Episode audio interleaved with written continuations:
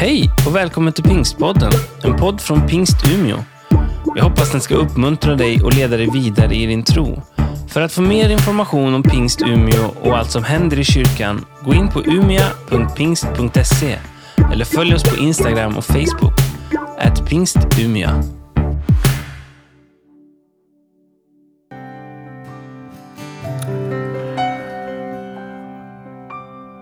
Så underbart. Varsågoda och sitt ner. Jag tänker när jag ser ungdomarna här, Rachel som ganska nyligen kom till Sverige men som ju redan har förstått att det är svenska vi ska prata i himlen. Så du kan det så bra leder oss i lovsång och så Elias här då som eh, en av studenterna på ALT, framtidens pastorer, tänker jag. Älskar Jesus på det här sättet och så Marie-Louise. Ja, men jag blir glad. Eh, jag blir tacksam. Jag tänker det finns liksom hopp för framtiden. Unga människor som vill leva sitt liv inte bara för sig själv och sin egen välfärd och frälsning utan för evangeliet, för någonting större. Det är, det är fint. Jag skulle vilja påminna oss idag om att Gud, den Gud Bibeln berättar om, han är löftesrik och trofast. Alltså Gud avger väldigt många löften. Och det brukar ju vi, vi brukar ju bli lite osäkra när någon lovar mycket. Jag vet inte om ni eh, har funderat på när elbidraget kommer. Det var någon som lovade. Får se om de håller. Det verkar som att de, de ska, det verkar komma nu. Va? När vi skulle ha haft det tidigare kanske. Men ni vet. Om någon lovar mycket, då infinner sig ju frågan, kommer du att hålla det här nu då? Den, den Gud Bibeln berättar om, han är trofast. Han lovar inte bara mycket utan han håller det han lovar. Och så vill jag avsluta med att påminna om det där personliga. Att Guds löften är ju universella och allmängiltiga. Eh, men de är inte bara för alla andra. Guds löfte gäller dig. Är du med? Där har du det. Mm. Vi, jag tänker att vi ska läsa tillsammans. Och nu är ju vi så här lite mitt emellan. Jag ser någon kollega som gästar oss här. Du kan väl hjälpa mig att svara på frågan. Hur, hur var det? Nej, du behöver inte svara nu. Men sen på kyrkkaffet. Vi kan prata sen. En kollega från Skellefteå som gästar oss och vi får träffa henne sen på kyrkkaffet. Eh, alltså, vi vet ju att fadern han har aldrig lämnat liksom tronen. Om vi tänker oss den kristna undervisningen och vägledningen i skriften eh, om fader, son och ande. Dessa tre förenade eh, personligheter som utgör vår Gud. Där Fadern är Gud, skaparen, frälsaren, Gud, alltså Jesus, Guds son, frälsaren och så har vi den helige ande, Gud, livgivaren. Alltså skapare, frälsare, livgivare. De tillsammans är vår Gud. Men nu, eh, hur, hur, hur var det då mellan Kristi himmelfärdsdag och eh, pingstdagen? För då har ju sonen lämnat jorden, fadern är på, i himlen och anden är ännu inte utgjuten. Hur var det? Ja, vi, vi får höra med dig sen. Vi är alltså på den söndagen eh, eh, när Jesus har lämnat jorden. Han har gjort färdigt det han skulle göra. Och, och, och, när han har gjort färdigt så, så lyfter han sina händer och så välsignar han de som tror på honom och har följt honom och så säger han eh, om ni nu väntar här i Jerusalem så ska, så, så ska Fadern sända sin ande över er så att jag kan vara närvarande hos er alla. Fast inte bara på ett ställe utan överallt där ni rör er kan jag vara med er genom min ande. Eh, och det där var ju ett löfte som, som Jesus gav. Och det visar sig ju då att det där löftet om Guds närvaro, det gällde ju inte bara dem som hade vandrat med Jesus då. Utan det där gäller ju också de som, de som är långt borta som Herren vår Gud vill kalla. Och nu ska vi läsa. Och då kommer vi in på en text som egentligen borde läsas nästa söndag. Men vi, jag kan ju inte hålla mig. Jag vet inte hur det är med er men jag vill öppna paketen på, på julaftons morgon. Ja, och inte vänta till kvällen och sådär. Så jag tänker jag ligger lite före. Vi läser ifrån Apostlagärningarna det andra kapitlet. Och eh, eh, vi eh, kommer in i berättelsen eh, när Gud har gjutit ut sin ande och det är så påtagligt så att det fyller liksom hela rummet. Eh, det är ju rummet där lärjungarna, alltså förmodligen det rum där lärjungarna firade Herrens måltid tillsammans med Jesus innan korset. Eh, de är där eh, bakom stängda dörrar. De är 100-120 personer vad alla blir uppfyllda av Guds närvaro och då är det som att de inte kan, alltså den gudomliga närvaron i deras liv, den kan de inte låta bli än att de formulerar den. De börjar tala i tungor och, och när de gör det så, så talar de inte obegripliga ord då, utan de talar ord om Gud och om Guds stora gärningar. Eh, tungor som av eld, alltså det, det brinner. Och, och, rummet blir uppfyllt av Guds närvaro. Och när det där händer så märker omgivningen det här och, och man dras emot det där rummet som ligger inte, ja men det är ett stenkast ner till eh, platsen där templet är och, och, väldigt mycket folk samlas för att få, få reda på vad det är som har hänt. Och då är det ju en del som tycker att eh, de gör sig lustiga är alltid så att man ska raljera med troende. Det har man alltid gjort. Eh, men det är alltid så att skratta bäst som skrattar sist. Eh, och det kan vara bra att veta det, att, att det inte alltid man blir förstådd av sin omgivning när man är troende. Det är inte alltid man blir bekräftad. Men, men då tar Petrus till orda. Och så försöker han förklara vad det är som händer. Både i rummet och utanför rummet. Och han, han gör ju liksom en, en historisk beskrivning där han förklarar att det här hör ihop med vad Jesus Kristus har gjort. När han dog på korset och uppstod igen och så säger han att det här är uppfyllelsen av de löften som Gud gav i gamla testamentet för länge sedan. Nu har de gått i uppfyllelse så det ni ser nu det är vad profeten Joel talade om. Det ska ske i de sista dagarna att Gud utgjuter sin ande över era söner och döttrar och gamla män ska profetera. Alltså det är fantastiskt det som sker. Och när folk får, eh, alltså de, de inte bara är, upplever, alltså inte bara är med om Guds närvaro utan någon sätter ord på, förklarar vad det är som händer. Då blir de berörda. Orden, och nu läser vi.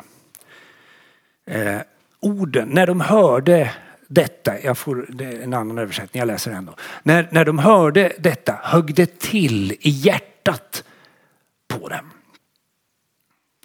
Alltså det, det träffade inte hjärtat i den, på den här tiden, det var ju där man tänkte att man tänkte. Men det högg till. Alltså det, det var inte bara en, jaha det här var ju intressant, utan det var någonting som berörde på djupet.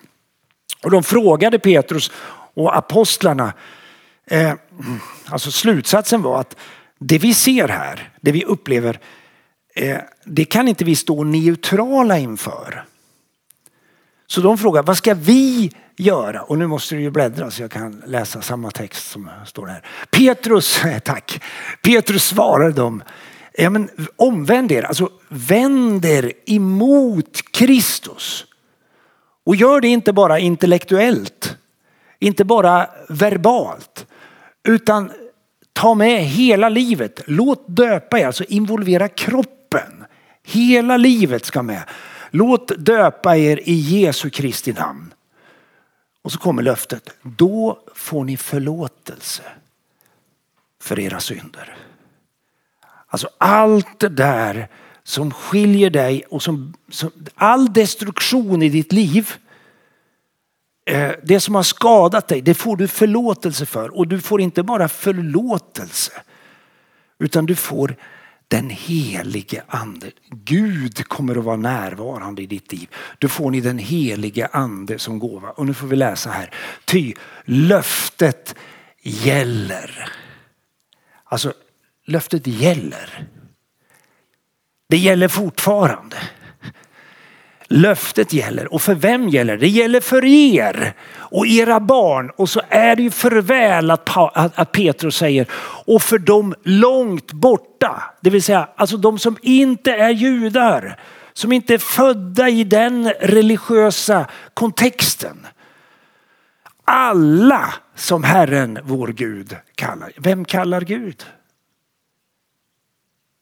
Bibeln säger att Gud vill att alla människor ska bli frälsta. Här är ju en, en inklusivitet som man nästan eh, den är så provocerande. Alltså den, det här, är inte, här kan man ju tycka liksom att det finns en del som har betett sig på ett sådant sätt att de har så, så att säga de, de borde inte bli inkluderade i den inbjudan som kommer här. Löftet gäller er och era barn och alla de långt borta som Herren vår Gud vill. Eller Herren vår Gud kallar.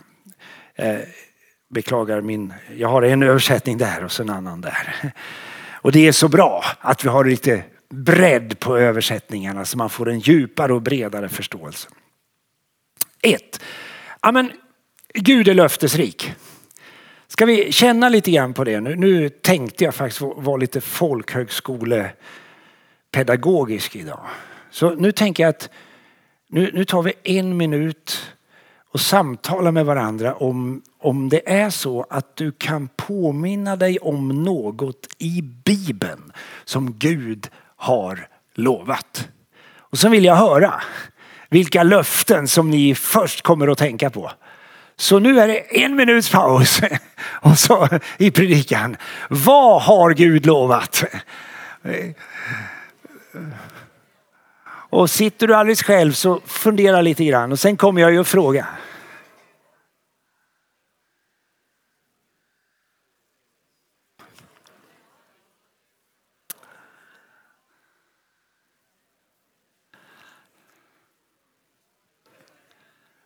Och för dig som är med, för dig som är med online så kan du också fundera lite grann. Har du en bibel där hemma så, så kan du gå till eh, bibeln, du kan slå upp, du kan fundera och hittar du inget så kan du få ett tips här. Du kan gå till första Mosebok, det tredje kapitlet och så kan du se vad Gud lovar när synden har kommit in i världen. Läs vers 15 kan du se. Där finns ett fantastiskt löfte om frälsning. Vi ska ta det här sen för alla som är i rummet också. Ja, det här var ju spännande. Eh, eh, Bibeln säger när ni kommer samman har eh, var och en något att bidra med. Eh, och nu, nu vill jag ju höra och nu får vi se om vi har några favoritlöften som vi klamrar oss fast vid. Vad, vad säger man längst ner i, i salen här? Har ni, eh, vad, vad, vad, vad tänker ni på för löften som Gud har gett oss? Att du, du har det här liksom framtidslöftet om återkomsten. Skaparen ska komma tillbaka. Ja, det är ett fantastiskt löfte och det är ju inte infriat än. Så det är ju liksom, då kan man ju fråga sig, kan vi lita på det, att han gör det? Eh, så vi håller den. Eh, känner ni igen det? Är det fler som tänker, ser fram emot återkomsten? Var det någon fler som tänkte på det löftet? Nej, ah, det var det inte. Ja, men det var ju tur. Det, jo, det var det. Eh, vad hade ni något mer löfte här inne i lilla salen som ni tänkte på? Eller sidosalen, den är ju inte liten. Ett evigt liv. Så älskade Gud världen att, att han sände sin enfödde son för att var och en som tror på honom inte ska gå under utan ha evigt liv. Ett, ah. Och då är det ju ett löfte som, som eh, så att säga, infrias varje dag. Eh, vi hör löftet om Guds närvaro. Jesus säger, jag ska vara med er alla dagar. Det är till och med så att Gud har det namnet. Han heter Emanuel. Gud med oss. Inte bara Gud som kommer en dag utan Gud som redan är här. Va? Det är ett fantastiskt löfte. Något mer? Ja, då har vi ett löfte. Be och ni ska få. Alltså, eh, Jesus säger om ni, den som söker, han ska finna. Den som ber, han ska få och den som bultar, för den ska dörren öppnas. Det är ett fantastiskt löfte. Alltså den Gud vi tror på har lovat inte bara att höra vad vi ber, ber om, utan även svara oss när vi ber. Och eh, får vi allt vi ber om då? Hur är det med det då? Har han lovat det eller?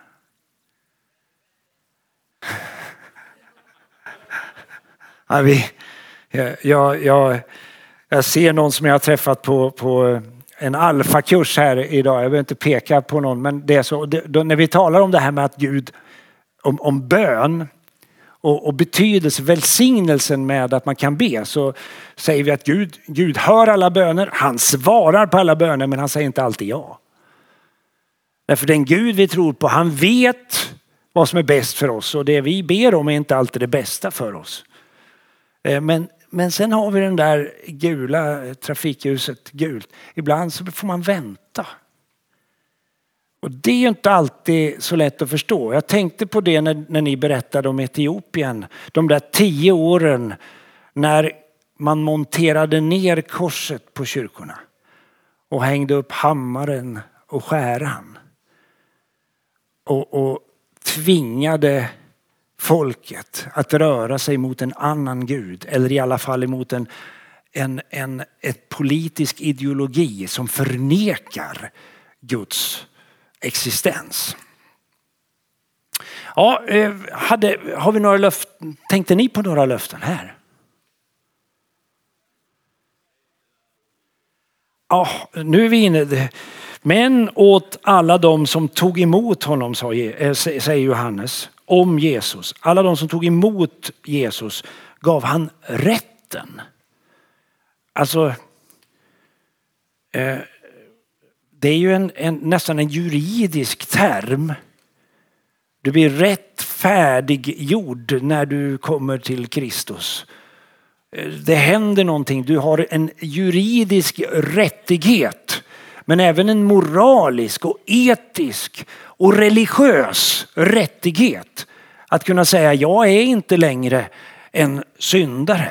Jag är en ny skapelse. Synden den har inte längre inflytande över mitt liv. Den, den jagar mig och, och djävulen påminner mig. Men i Kristus är jag en ny skapelse. Det är ju ett löfte som Bibeln ger. Att var och en som tror på Kristus, tar emot Kristus, äger rätten att bli Guds barn. Inte för att den är duktig eller bättre än alla andra utan för att det finns nåd i Kristus. Ja. Har vi något löfte här som ni tänkte på?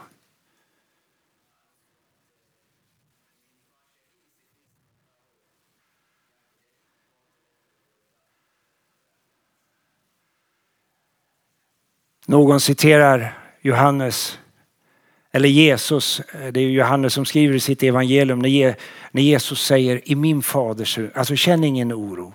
Tro på Gud och tro på mig, säger Jesus. I min faders hus finns många rum. Det finns mycket plats liksom. Och ett särskilt för pingstvännerna som tror att de är själva. Nej, utan förlåt, ursäkta mig. Jag ber om ursäkt. Eh, det finns många rum. Alltså plats för alla. Skulle jag annars säga att jag går bort för att bereda plats för er och om jag nu går bort så ska jag komma tillbaka och hämta er till mig. För jag vill att det jag är, det ska ni också vara. Alltså det är ju fantastiska löften. Eh, och nu tänker jag så här. Eh, här skulle vi ju kunna, alltså det finns ju hundratals löften i Bibeln. Löften om förlåtelse, löften om frälsning, löften om helande. Genom mina sår, genom Jesus sår blir ni helade. Löften om återupprättelse, löften om helig ande, löften om evigt liv, löften om Guds återkomst, Kristus ska komma tillbaka. Och, och, och då märker man när man läser om alla dessa löften så, så märker man att det, det, man skulle kunna dela in dem i tre kategorier. En handlar om löftet att Gud ska ta upp kampen emot ondskan och besegra den. Ett stort löfte handlar om människan och mänskligheten. Och det var ju de som vi var inne på här alldeles nyss. Men så har vi ett löfte också som handlar om kosmos, hela skapelsen. Johannes han pekar ju på Jesus och säger han, där är Guds lamm som tar bort världens, alltså kosmos synd. Och det är samma ord som används i Johannes 3 och 16. Gud älskade kosmos så mycket. Inte bara världen i bemärkelsen mänskligheten utan allt det som Gud har skapat är, är, är utsatt i positiv bemärkelse för Guds kärlek. Alltihop det här, det börjar egentligen eh, i första Mosebok, det tredje kapitlet och den fjortonde, femtonde versen. Jag tänker vi ska bara påminna oss om hur det hela börjar och så, och så ska jag bara liksom peka på löfteslinjen som finns i gamla testamentet. Men jag gör inte någon lång tankelinje där. När vi kommer in i berättelsen då, då har människan inte bara blivit frestad. Det är ju bra att påminna sig om det, att det är en stor skillnad mellan att bli frestad och att falla för frestelsen. Människan blir frestad och hon, det, det, det, det hon frestas av är så attraktivt att hon inte kan bjuda motstånd. Det onda som hon inte vill, det gör hon. Och det goda som hon vill, det gör hon inte. En sån här klassisk inre kamp. Hon äter av frukten och skadas av det som händer så till den grad att det påverkar hela mänskligheten. Och när Gud ser vad, det, vad som har hänt så eh, han, går han först till mannen och mannen säger det var inte jag, eh, kvinnan, eh, det, det var hon. Typiskt män tänker jag. Eh, eller människan kanske. Kvinnan säger det var inte jag, det var ormen. Och ormen, eh, ondskan, får då höra följande. Eftersom du har gjort allt detta ska du vara förbannad bland alla djur och boskapsdjur och vilda djur. På din buk ska du gå. Man kan ju fundera på, här kunde ormen stå upprätt tidigare, men äh, på din buk ska du gå och stoft ska du äta i alla dina livsdagar. Och så kommer en mening som egentligen innehåller en slags uppgörelse med ondskan men även en löfte om frälsning. Jag ska sätta fiendskap mellan dig, mellan ondskan och kvinnan. Och mellan alltså, den, den som kan föda, den som kan ge liv. Mellan din säd, ormens säd och kvinnans säd, alltså ormens ättlingar. Det ondskan kommer att föda kommer att stå i konflikt med det människan kan föda. Och så kommer löftet. denna, alltså men, det, någon av människa född ska trampa sönder ditt huvud. Någon ska ta upp kampen emot ondskan. Och du, ormen, alltså till ormen säger Gud, ska stinga den i hälen. Det kommer att kosta den som tar den slutgiltiga kampen något. Det kommer att göra ont. Och, och det där kan man ju när man läser Bibeln så vill det ju till att man läser med ett vidgat sinne. Men det går ju även att läsa liksom rakt upp och ner att ska du, ska du ha ihjäl en orm, en farlig orm, då, Eh, trampar, du, då trampar du med hälen. Eh, och har då ormen ett, ett öppet gap, då blir det ju stungen. Men huvudet krossas. Man tar den inte i svansen, man krossar huvudet. Och, och, eh, sen går det en löfteslinje genom hela gamla testamentet där Gud lovar, han knyter löftet om att det här ska ske. Det börjar med, med Noa, fortsätter med Abraham, Isak, Jakob. Jakob får tolv söner, det knyts till Josef och sedan kopplas det till David och till slut hela vägen ner till en enda kvinna, Maria, som föder en son. Allt hänger på en enda. En enda. Honom hänger man upp på ett kors och tänker nu har den som skulle kunna frälsa förlorat. Bara för att upptäcka att det som händer när han hänger på korset är att han tar fram sin häl och trampar på ondskans huvud. Ormen från urtiden besegras. Och det där är ju liksom den metaforiska berättelsen. Den går som en linje genom he hela gamla testamentet fram till Jesus Kristus. Och vill man läsa noga kan man se att det är över 300 löften i gamla testamentet om det här. Till och med var Jesus ska födas, hur det ska gå till, vad han ska säga, var han ska vara och på punkt efter punkt uppfyller han löftena. Därför att, och nu kommer ju den andra punkten, Gud är trofast. Gud håller det han har lovat. Alltså vi har alla erfarenheter av löftesbrott. Vi har ju den diskussionen efter varje val. Ja men ni lovade ju och nu ser vi ju så här och så kommer förklaringarna. Ja men det Eh, och sakliga förklaringar, begripliga förklaringar, förståeliga förklaringar. Men vi blir ändå liksom lite besvikna. Men det är ju en sak att bli sviken eller uppleva sig sviken på det planet. Det är ju mycket svårare att uppleva svek som drabbar en på det personliga planet.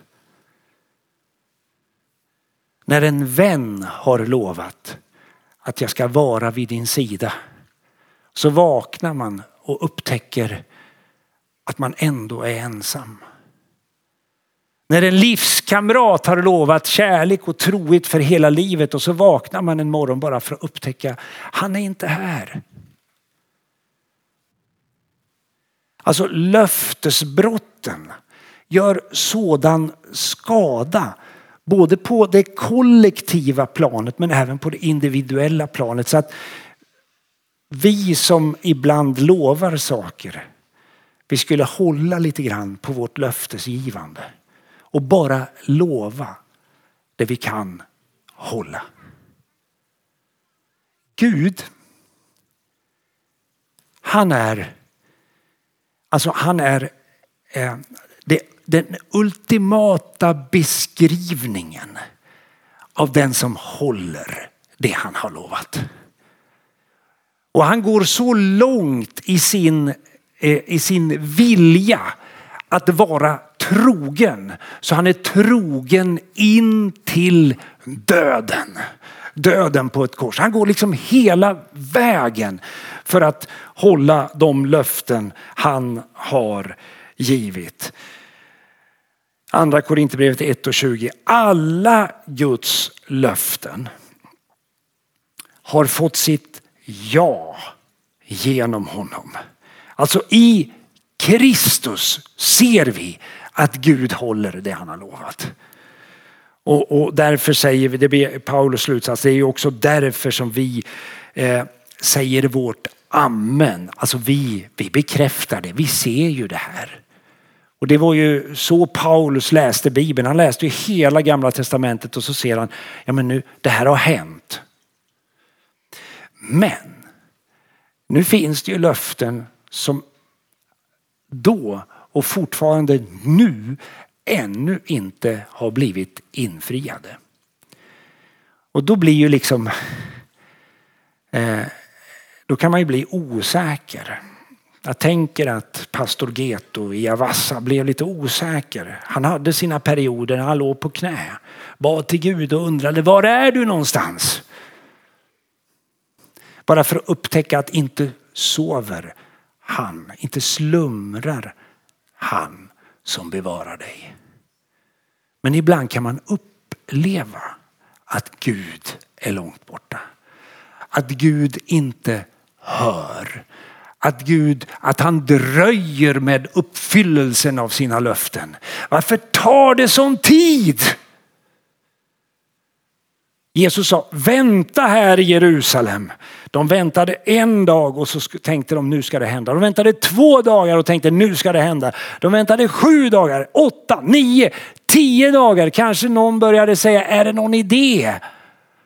Ja, men vi väntar en dag till. tänker Vi, tar, vi väntar till imorgon, dagen efter sabbaten. Det var ju då han hade uppenbarat sig för oss. Kanske kommer han då och så väntar de en dag till. Så kommer pingstdagen. Och de var ju, alla var ju där. Då hände det. Guds ande utgjuts. Hela rummet fylls. Tungor som av eld fäster sig på var och en av dem och alla fylls av helig ande. Och de förstår att nu har det hänt som Joel talade om.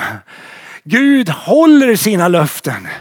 Och så lämnar de som hela tiden var bakom reglade dörrar, de öppnade dörrarna. De kom ut som efter Jesu Kristi efterföljare och tänkte jag struntar i vad världen säger för jag tror på Jesus. Alltså det var ju en fantastisk förändring i hela deras livshållning. Och de här 120, de kommer ju förändra hela historien. Alltså det går 20 år från pingstdagen till dess det finns en liten kyrka i varenda liten stad i hela romarriket. Och, och det går omkring 300 år till kejsar Konstantin säger if you can't beat them join them.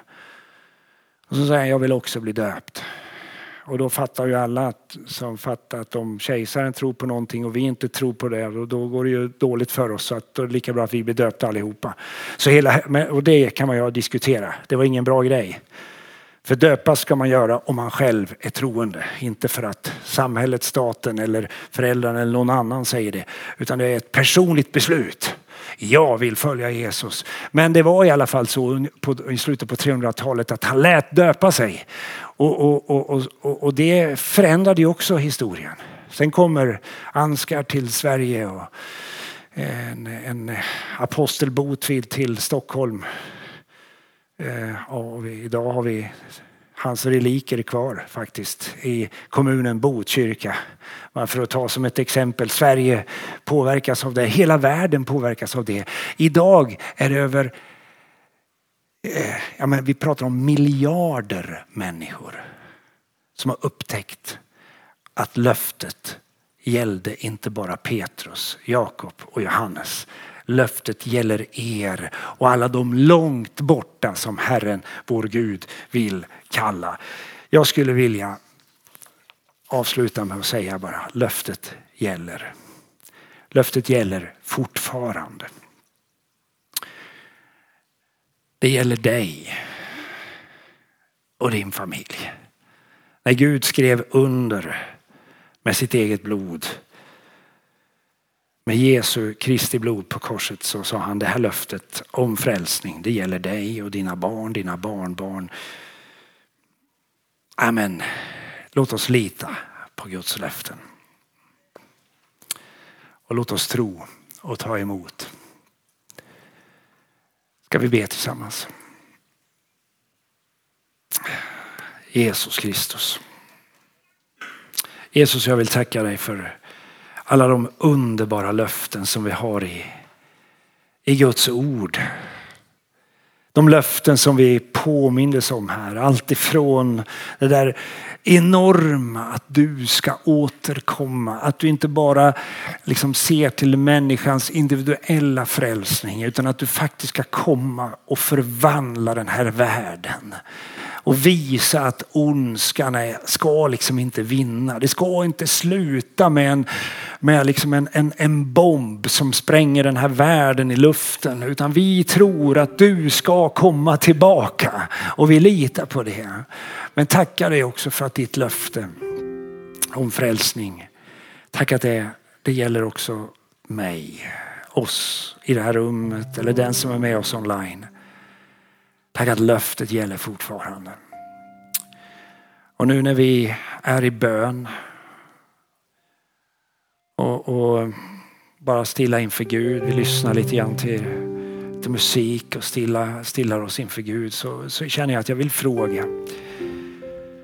Du kanske har tvivlat på Guds löften. Kanske har tänkt att de, de gäller bara de andra. Eller så är det så att du faktiskt vill ta emot Jesus Kristus här idag. Du har inte tagit liksom emot löftesgivaren. Att du vill göra det här. Så, ja men hur tar man emot? Jag menar, löftet är ju givet. Hur tar man emot det då? Jo men det är tro. Den som tror på löftet tar emot. Den som vänder sig mot Kristus, låter döpa sig. Ja, men jag vill fråga om det är så att du vill uttrycka här idag, jag vill tro på löftet. Jag tänker att löftet gäller också mig och jag vill visa att jag tror på det. Vi förnyar min, min bes, mitt beslut att tro på löftet. Så, så varsågod, du får gärna räcka upp din hand som ett tecken på det just nu så, så får det vara ditt personliga sätt att säga jag tror på löftet. Och håll din hand uppe så ska jag titta mig omkring alldeles strax och så ska vi be och sjunga och vara inför Gud. Och sen kommer en inbjudan att, att gå till någon böneplats om du vill göra det. Så. Men är du här som vill uttrycka, jag vill tro på löftet. Gud välsigne dig, Gud välsigne dig. Så lyft, lyft din hand just nu så ber vi tillsammans. Gud välsigne dig, välsigne er. Jesus, Gud välsigne dig, Gud välsigne dig. Löftet gäller dig. Löftet gäller er. Gud, du ser som har lyft sin hand. Du vet var tvivlet sitter, var osäkerheten sitter. Men du vet också om att bakom en sån uppräckt hand finns en en längtan att ta emot arket ifrån himlen som är fullsmäckat med löften. Kom helig hand och berör, jag ber just nu. I Jesu namn. Amen.